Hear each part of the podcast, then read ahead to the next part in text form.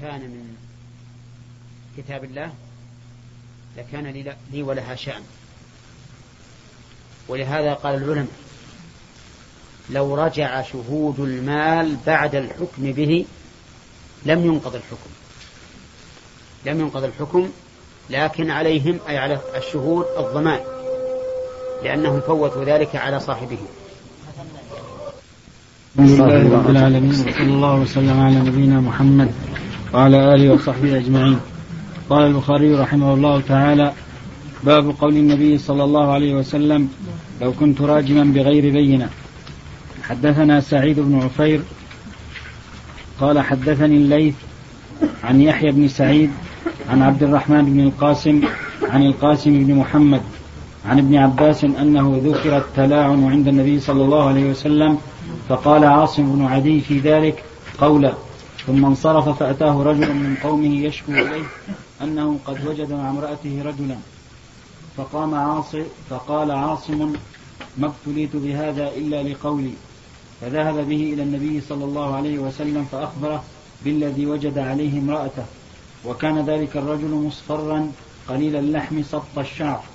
وكان الذي ادعى عليه أنه وجده عند أهله خدلا آدم كثير اللحم. فقال النبي صلى الله عليه وسلم اللهم بين فجاءت شبيها بالرجل الذي ذكر زوجها أنه وجده فلاعن النبي صلى الله عليه وسلم بينهما. قال رجل لابن عباس في المجلس هي التي قال النبي صلى الله عليه وسلم لو رجمت أحدا بغير بينة رجمت هذه. فقال لا تلك امرأة كانت تظهر في الإسلام السوء. قال أبو صالح وعبد الله بن يوسف خدلا يعني بدل خذلا الشاهد من هذا الحديث قول الرسول صلى الله عليه وسلم لو كنت لو كنت لو رجمت أحدا بغير بينة رجمت هذه.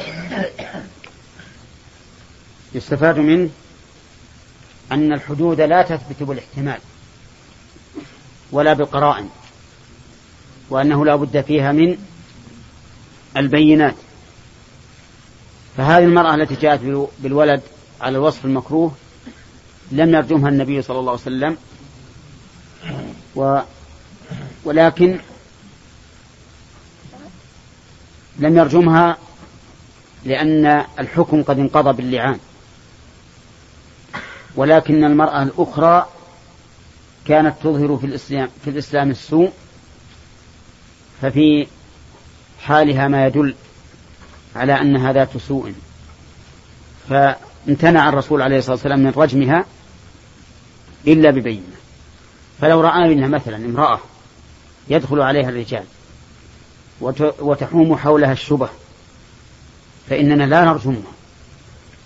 وإن كان يغلب على الظن أنها قد فجرت فإننا لا نرجمها. وذلك لأن لأن الرجم لا بد فيه من البينة. وهنا لا بينة. لو تشوف الشرح.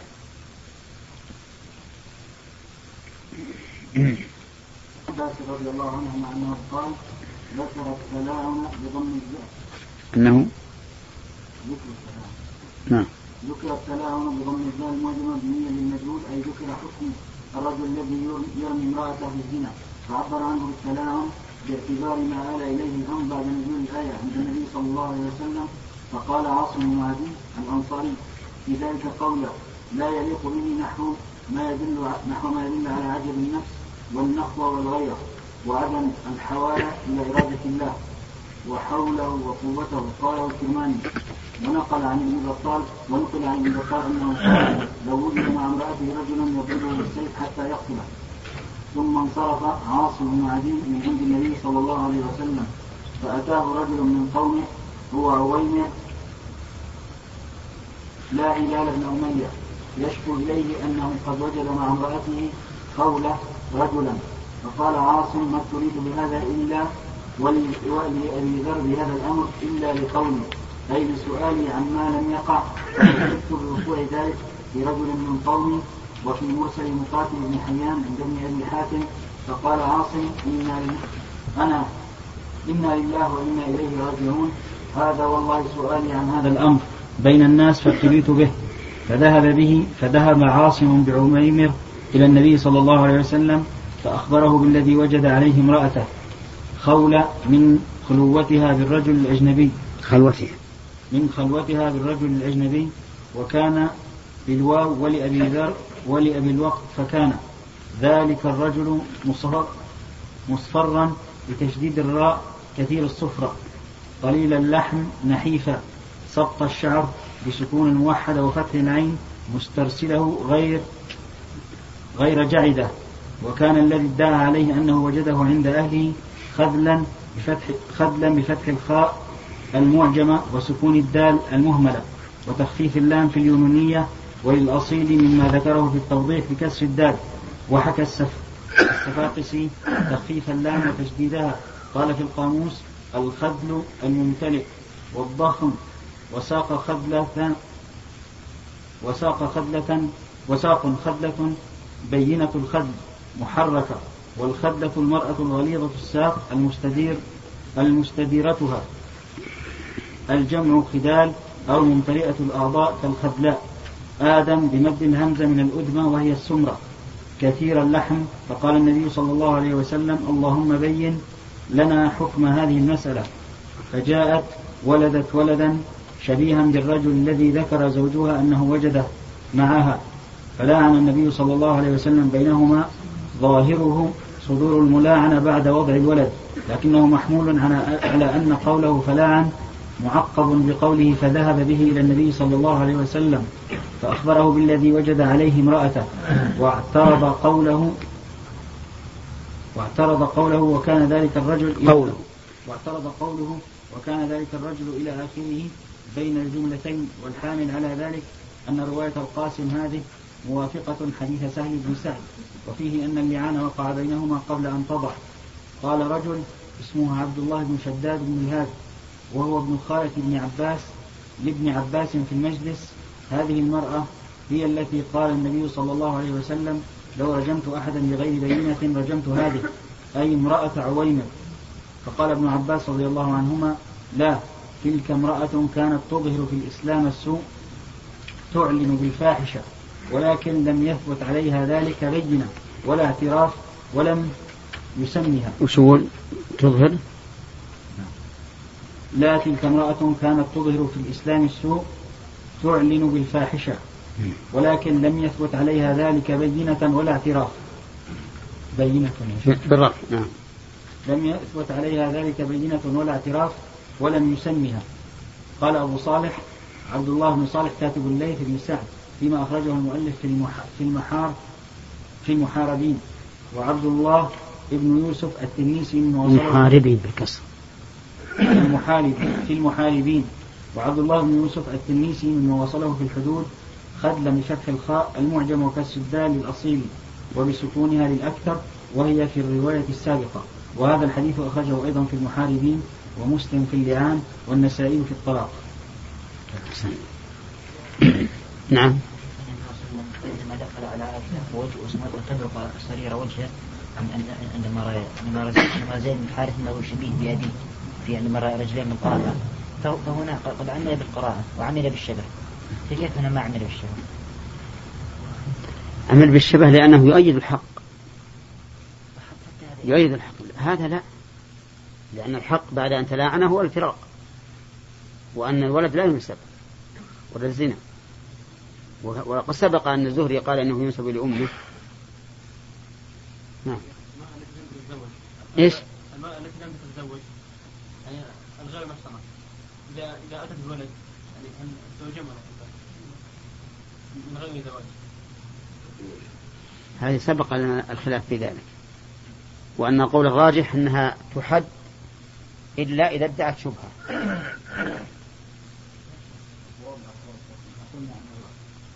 لا نعم. أما غير تفقد هذا هذا السبب لأنه يثبت.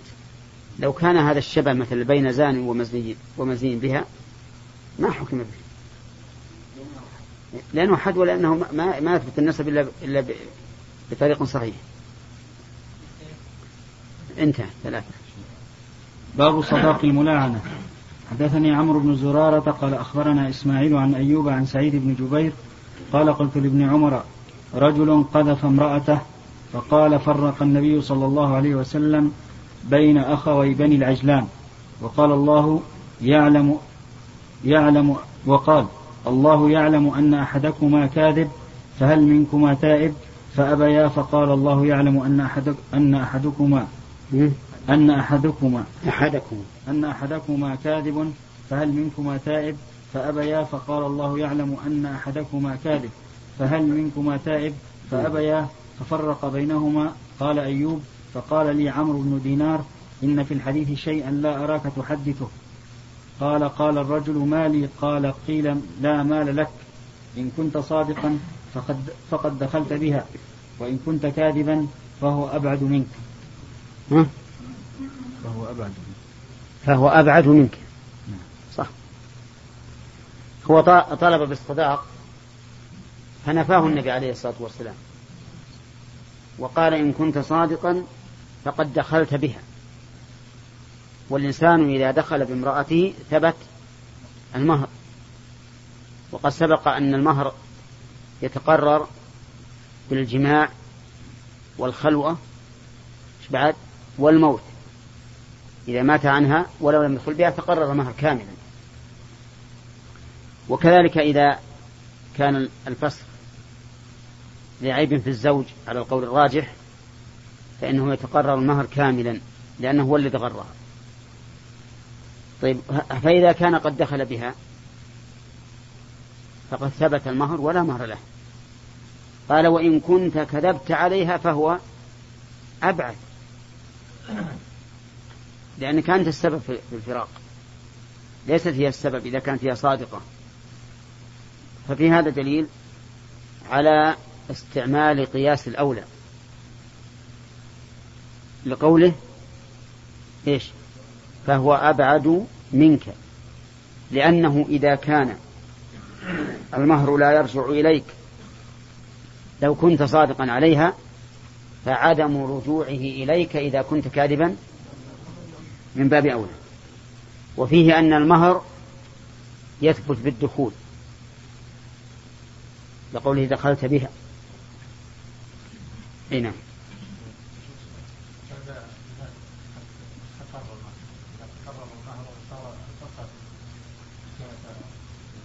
نعم. ما دخل بها صار الفرقة من ها صار الفرقة من أو لا وإذا دخل بها.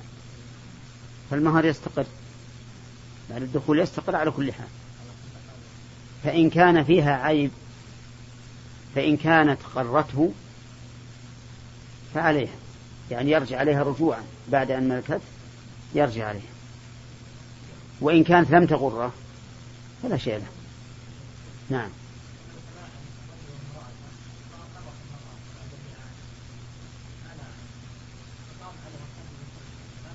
الصحيح أنه يقام عليه الحد نعم.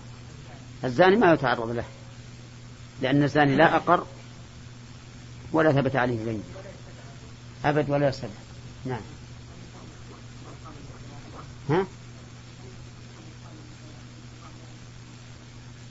أي نعم. يسأل أنه يقال ما قال الرسول عليه الصلاة والسلام. هل منكما تائب؟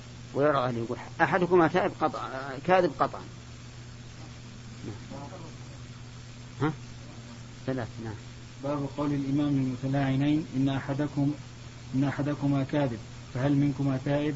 حدثنا علي بن عبد الله قال حدثنا سفيان قال عمرو سمعت سعيد بن جبير قال سألت ابن عمر عن المتلاعنين فقال قال النبي صلى الله عليه وسلم للمتلاعنين حسابكما على الله أحدكما كاذب لا سبيل لك عليها قال مالي قال لا مال لك إن كنت صدقت إن كنت صدقت عليها. فهو بما استحللت من فرجها وإن كنت كذبت عليها فذاك أبعد لك. قال سفيان حفظته من عمرو. وقال أيوب سمعت سعيد بن جبير. قال قلت لابن عمر رجل لاعن امرأته فقال الآن شوف اختلاف الحديث الفاظه يدل على أن القول الراجح هو جواز ها الرواية بالمعنى. ولا بد لأن الرسول صلى الله عليه وسلم ما قال إلا إحدى الكلمتين. ففي الأول قال فهو أبعد منك وهنا قال فهو أبعد. قال فذاك أبعد لك. واضح؟ في الأول قال فقد دخلت بها في الثاني فقد ها؟ فهو بما استحللت من فرجه. والرسول ما يمكن يكرر الكلام هكذا. لكن الرواة ينقلونه بالمعنى. هنا ها؟ ما انتهى هنا وقال أيوب سمعت سعيد بن جبير قال قلت لابن عمر رجل لعن امرأته فقال فقال بإصبعيه وفرق سفيان بين إصبعيه السبابة والوسطى وفرق النبي صلى الله عليه وسلم. ما هو؟ في إذا فرق. قال فرق يعني هكذا قال. لا وفرق بين أخوين لا فرق. لا ماذا؟ أشطبها يا شيخ. إيه. فرق النبي صلى الله عليه وسلم بين أخوي بني العجلان. وقال الله إيش, إيش؟ فرق. النبي صلى الله عليه وسلم بين أخوي بني العجلان. نعم. وقال الله يعلم أن أحدكما كاذب فهل منكما تائب؟ ثلاث مرات. قال سفيان حفظته من عمرو وأيوب كما أخبرتك. نعم. شيخ إذا ما أعطى ها؟ إذا ما أعطى الصداق إذا إذا إذا ما أعطى الصداق وتلاعنه فهل لها صداق؟ بعد الدخول أي نعم إيه كيف؟ أما أنا أقول بس أنا ما لي لا لها الصداق ترجع عليه ها؟ ها؟ لو طالب الطلاق لو من زوجها لو طالب الطلاق إيه يتقرر الله لها كذلك إيه كيف؟ بعد الدخول إيه. يا شيخ هذا الحديث يدل على أن الفرقة أبدية إن إيش؟ الفرقة أبدية بين المتلاعنين إي نعم نعم قوله لا سبيل عليه كل الألفاظ وتدل على أنه لا مهر عليها. نعم. كمل. قال باب التفريق بين المتلاعنين. حدثني إبراهيم بن المنذر قال حدثنا أنس بن عياض عن عبيد الله عن نافع أن ابن عمر رضي الله عنهما أخبره أن رسول الله صلى الله عليه وسلم فرق بين رجل وامرأة قذفها وأحلفهما. نعم. حدثنا مسدد قال حدثنا يحيى عن عبيد الله قال أخبرني نافع عن ابن عمر. قال لعن النبي صلى الله عليه وسلم بين رجل وامرأة من الأنصار وفرق بينهما. باب يلحق الولد بالملاعنة. حدثنا يحيى بن بكير قال حدثنا مالك قال حدثني نافع عن ابن عمر أن نعم. النبي صلى الله عليه وسلم لاعن بين رجل وامرأته فانتفى من ولدها ففرق بينهما وألحق الولد بالمرأة. وسبق لنا أنه والمرأة نسبا وميراثا على القول الصحيح. وقيل إن أمه ترث ميراث أم والباقي لعصبته وهذا هو المشهور من المذهب والأول اختيار شيخ الإسلام ابن تيمية هو الصحيح. نعم. يعني مثلا تلك إذا تلاعن شيء والإمام قال له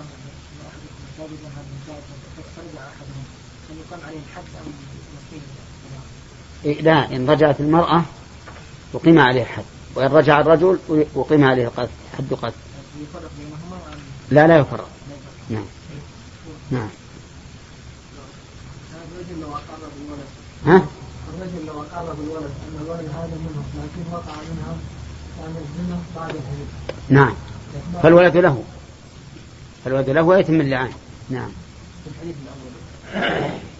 قول الله صلى الله عليه وسلم إن كنت طلقت فقد دخلت بها والحديث في الثاني فقد فلها المهر من فرجها. فيقول من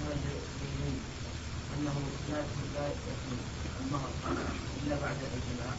إلا. منها اولا الدخول ثم نعم. المراد بالدخول إذا جاء الدخول في القرآن والسنة فهو الجماع.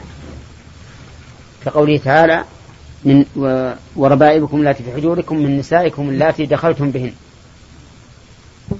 وأما الخلوة فيها فتسمى خلوة. والصحابة رضي الله عنهم أجروا الخلوة مجرى الدخول بل مجرى الدخول. وقالوا إذا دخل بالمرأة إذا خلا بالمرأة وأضفى الستر بينه وبين الناس فله المهر كاملا. لأنه استحل منها ما لا يستحله إلا الزوج. نعم. تم الثلاثة نعم.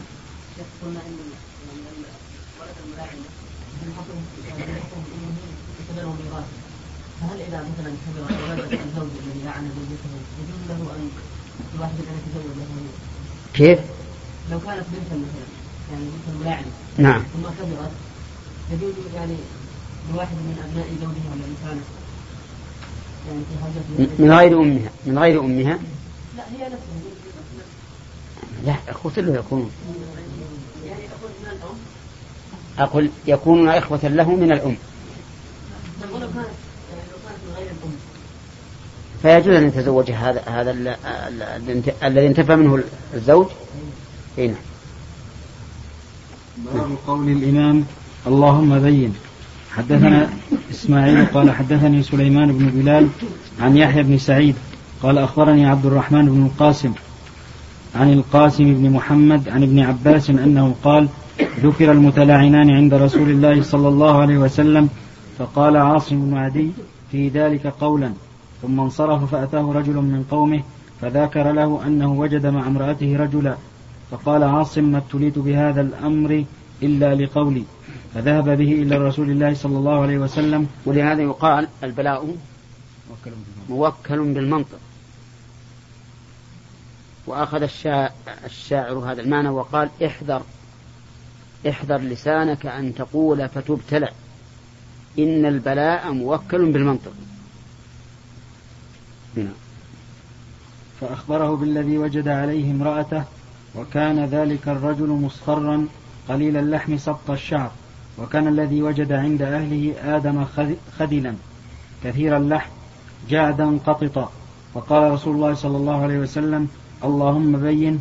فوضعت شبيها بالرجل الذي ذكر زوجها أنه وجد عندها فلاعن رسول الله صلى الله عليه وسلم بينهما.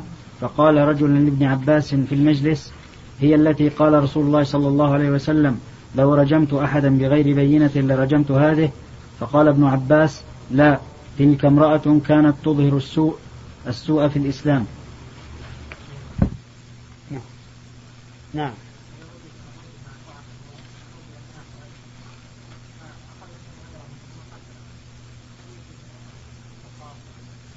ما مرت هذه إذا وجده عليها فقتله فلا قصص عليه. ولا دين ولا كفارة. نعم.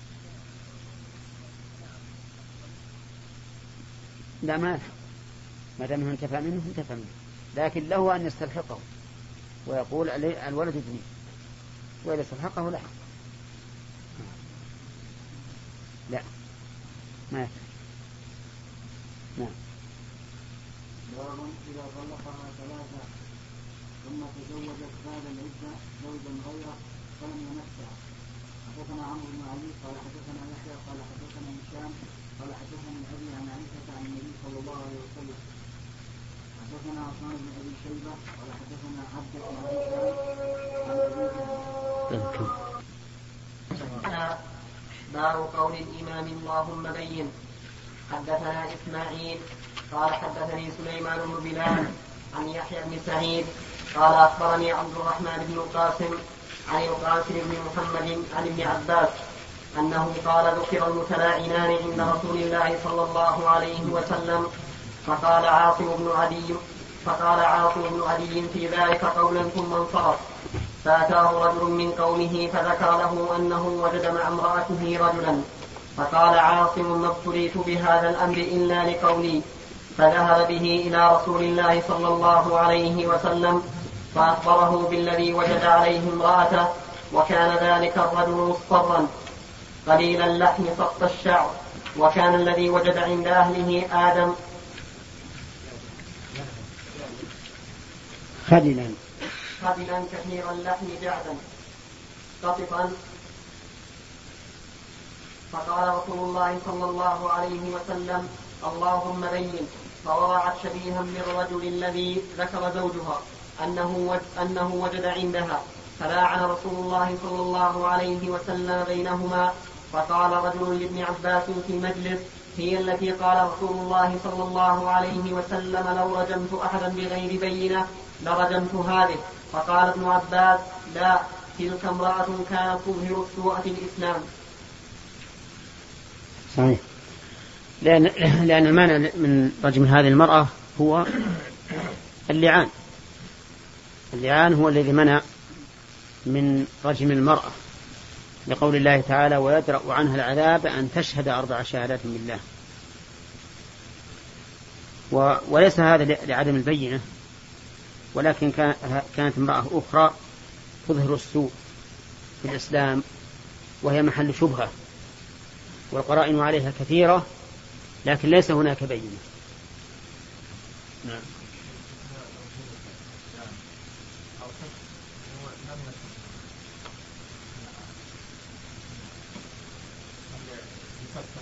لا يكفر عنه.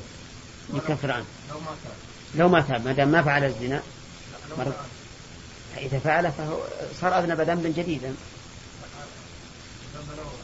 الذنب الأول يكفر. لكن لو فعل يعني لو فرض أنه ما ندم ولا عزم أن لا يعود ولا شيء. وجلد يعني حد فإنه يكفر عنه. فإن وجد ذنب جديد فأصيب به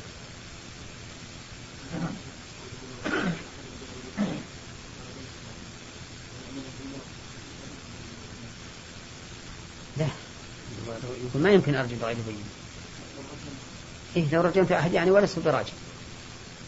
المعنى لست براجم من أحد بلا بينة. ولو رجمت لرجمت هذا.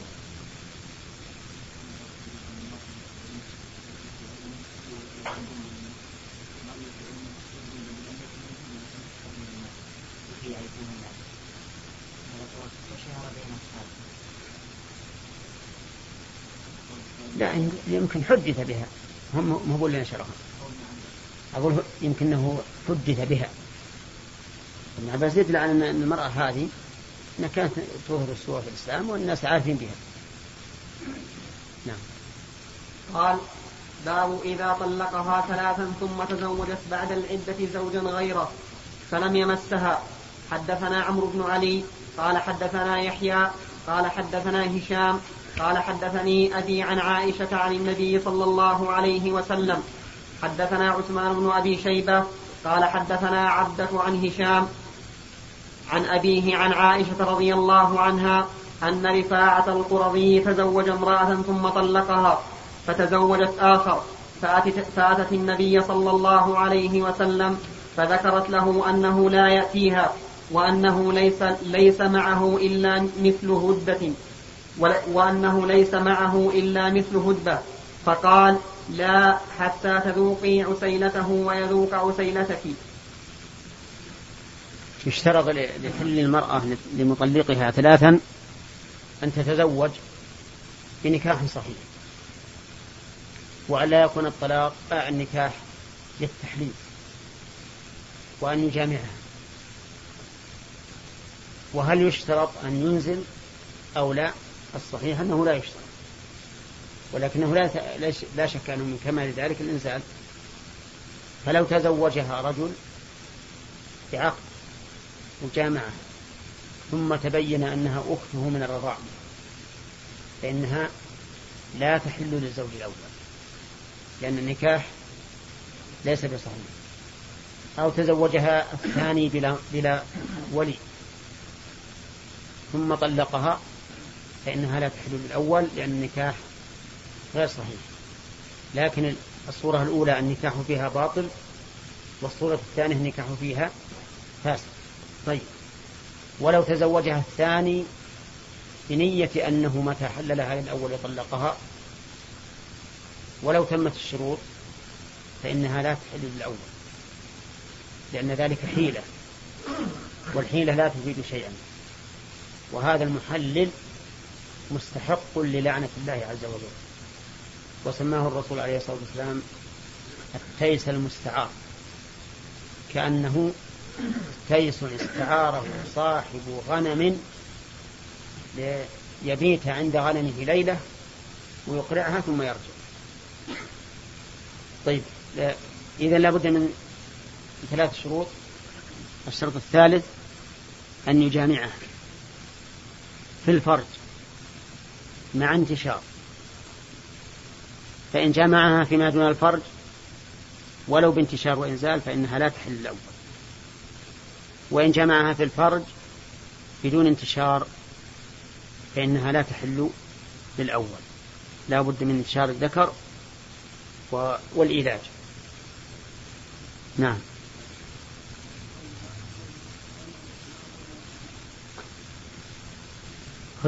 هدبة الثوب تفسره الرواية الثانية. هدبة الثوب وقالت بثوبها هكذا. يعني ما معه إلا مثل هذا. نعم. رضي الله عنها. نعم. ها؟ إيش؟ وش فيه؟ ما يكون الانزال لابد من هو تمامه ذلك لا شك. لكن تحصل اللذة بدون إنزال بلا شك.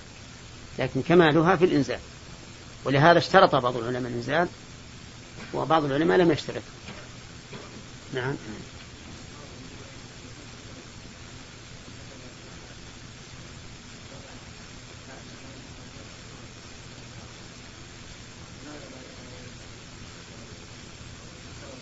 يعني معناه أنه حدث به من سندين.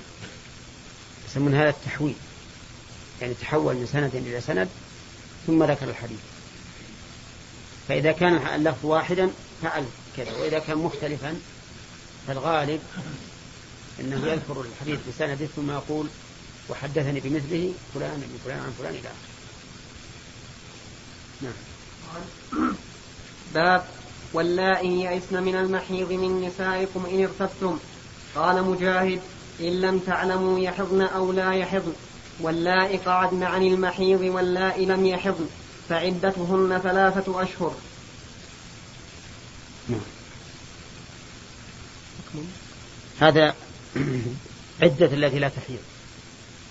والتي لا تحيض إما أن تكون صغيرة لم يأتها الحيض بعد أو كبيرة انقطع عنها أو غير كبيرة ولا صغيرة لكن استؤصل رحمها. فهذه أيضا نعلم أنه لا يمكن أن تحيض. كل من لا يمكن كل من لا تحيض لصغر أو كبر أو إياس أو ما أشبه ذلك فعدتها ثلاثة أشهر. تبتدي من حين يطلقها زوجها من حين أن يطلقها زوجها ثلاثة أشهر ثم تنتهي العدة. وإنما كان ثلاثة أشهر لأن الغالب أن النساء يأتيهن الحيض في كل شهر مرة فتكون الأشهر الثلاثة بدلا عن ثلاث حيض. المذكورة في قوله والمطلقات يتربصن بأنفسهن ثلاثة قروء يستثنى من ذلك المخلوعة فإنها تعتد بشهر واحد إذا كانت آيسة لأن عدتها أي المخلوعة حيضة واحدة. نعم.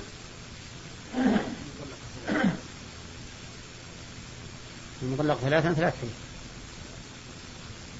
الشيخ الإسلام علقه على أن لا يكون خلاف الإجماع لكن لا شك أن الأحوط أن تعتد بثلاث حيض نعم؟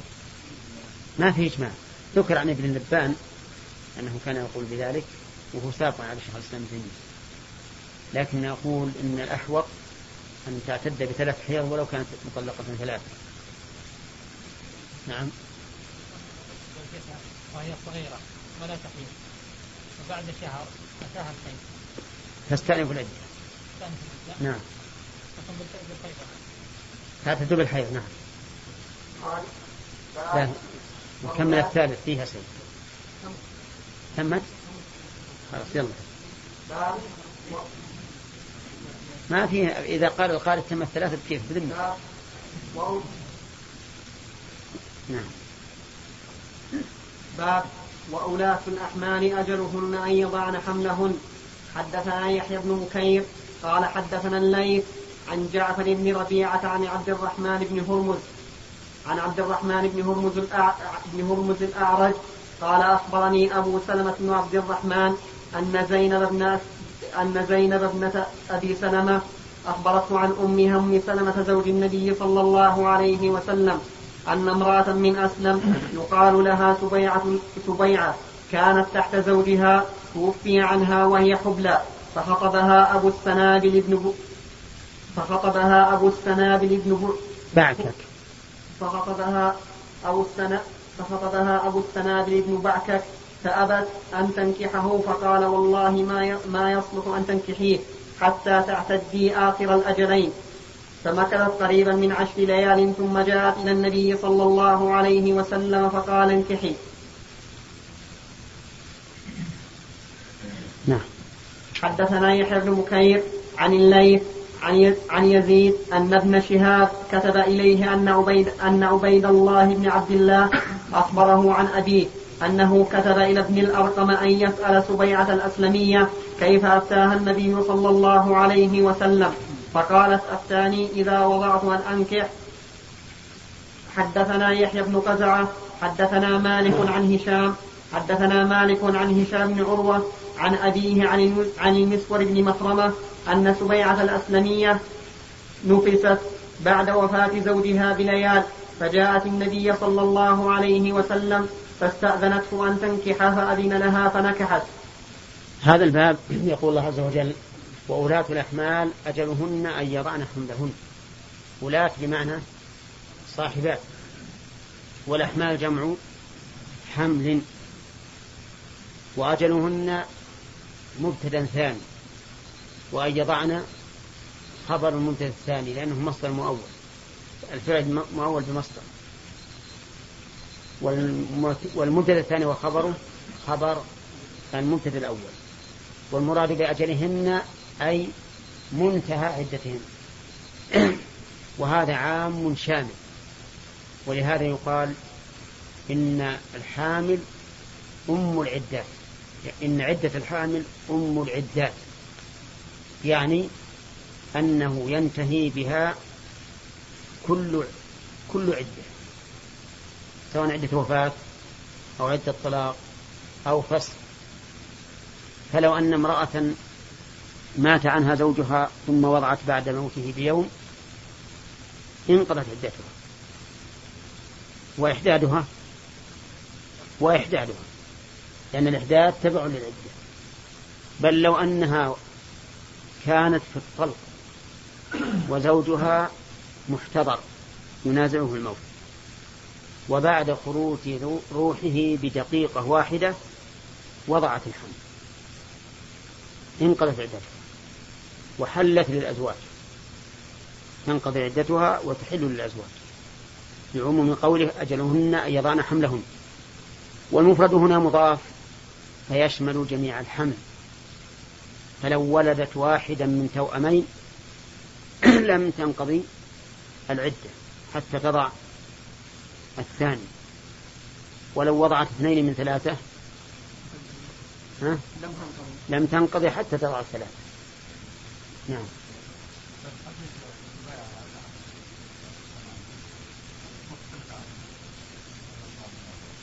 اي مختلف. مختلف. يمكن هو هذا يقول إن الذي خطبها أبو السنان. والمعروف أنها تجملت الخطاب وأنه جاء أبو السنابل وقال ما ما ما, ما تزوجين حتى يأتي عليك أربعة شهور يمكن إن انه إنه خطبها ثم لما خطبها قال ما يمكن تنكحي يعني يعقد لك الزواج إلا بعد أربعة أشهر. نعم. هو مستهاب نعم.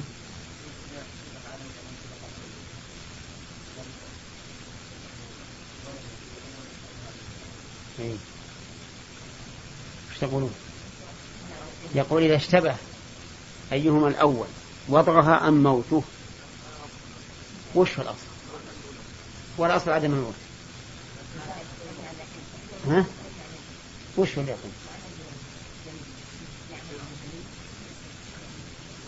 يعني نعمل بالأخ. نعمل بالأحوال. فيكون عليها أربعة أشهر وعشرة هنا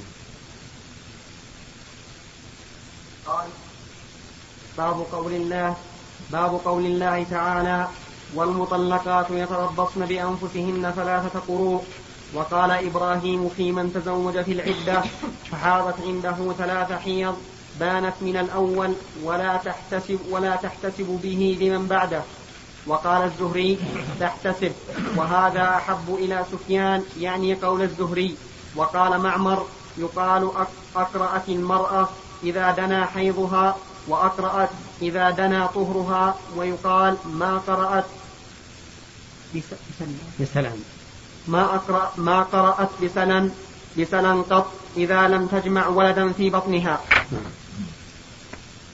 المطلقات يتربصن بأنفسهن ثلاثة قروء هذا عام يشمل كل مطلقة. ثم قال بعد ذلك وبعولتهن أحق بردهن في ذلك. وهذا هذه الجملة تختص بالمطلقة الرجعية. فهل نقول إن الأول عائد على الثاني؟ بمعنى أن نفسر المطلقات بالرجعيات ليصح ليصح تطبيق آخر الآية على أولها. أو نقول إن الآية إن أول الآية عام والحكم الثاني عاد على بعض الأفراد. الأخير هو قول جمهور أهل العلم. والأول قول الشيخ الإسلام ابن تيمية. فيجعل المطلقات الرجعيات يعتدن بثلاثة قرون والبوائن يعتدن بحيضة واحدة. ولكن الأخذ بعموم الآية أولى وأحوط. لأن القول بما قال شيخ الإسلام قول شاذ حتى أن شيخ الإسلام نفسه, نفسه قال إن كان أحد يقول بذلك. وشيء لم يطلع عليه خلاف شيخ الإسلام ابن تيمية يدل على أنه على أن القائل به شاذ مطلقا يعني شذوذا عظيما. لأن الشيخ الإسلام عليه الصلاة والسلام لم يطلع على ذلك. نعم. أما الأثر في من تزوج في العدة فحاضت عنده ثلاثة حيض كانت من الأول لأنها انتهت عدتها منه ولا تحتسب به ولا تحتسب به لمن بعده. وقال الزهري تحتسب. شوف عندك تفسيرها. وقال إبراهيم وقال إبراهيم النخعي فيما وصله ابن أبي شيبة في من تزوج امرأة في العدة تزويجا فاسدا فحاضت عنده أي عند الثاني ثلاث حيض بانت. بانقضاء هذه العدة من الزوج الأول ولا تحتسب بفتح الفوقيتين تحتسب تحتسب. ولا تحتسب بفتح الفوقيتين وكسر السين به أي بالحيض. لمن بعده لمن, بعد لمن بعد الأول. بل تعتد أخرى للثاني فلا فلا تداخل فلا تداخل. فلا تداخل تداخلوا.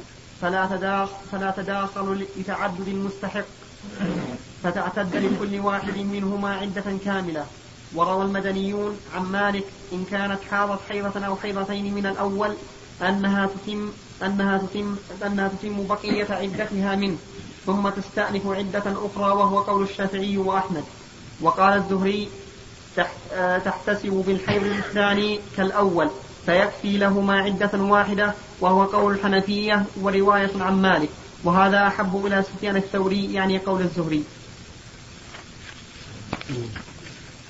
إذا يعني لمن تزوجت في العدة ووطئها الزوج. نعم. في كمل.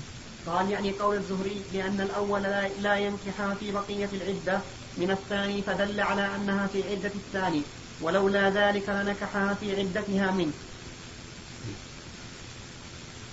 على كل صورة المسألة أن رجلا تزوج امرأة في عدتها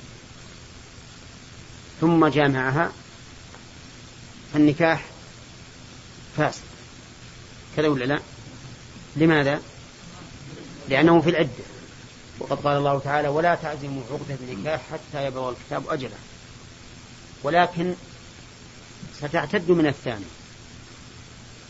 فهل تتداخل العدتان وتكمل أو تست... أو تنهي عدة الأول ثم تعتد للثاني؟ في هذا خلاف بين التابعين وبين الأئمة. فإبراهيم النخعي يرى أنها تستأنف العدة بعد أن تكمل الأول. سيكون عليها كم حيضة؟ ست حيض. يكون عليها ست حيض. ثلاث الأول وثلاث بالثاني والزهري رحمه الله يرى أنها تحتسب الحيض أو للعدتين جميعا فتدخل إحداهما في الأخرى. وعليه فتعتد بكم؟ بثلاث حيض. ولكل وجهة. أما وجهة إبراهيم النخعي فيقول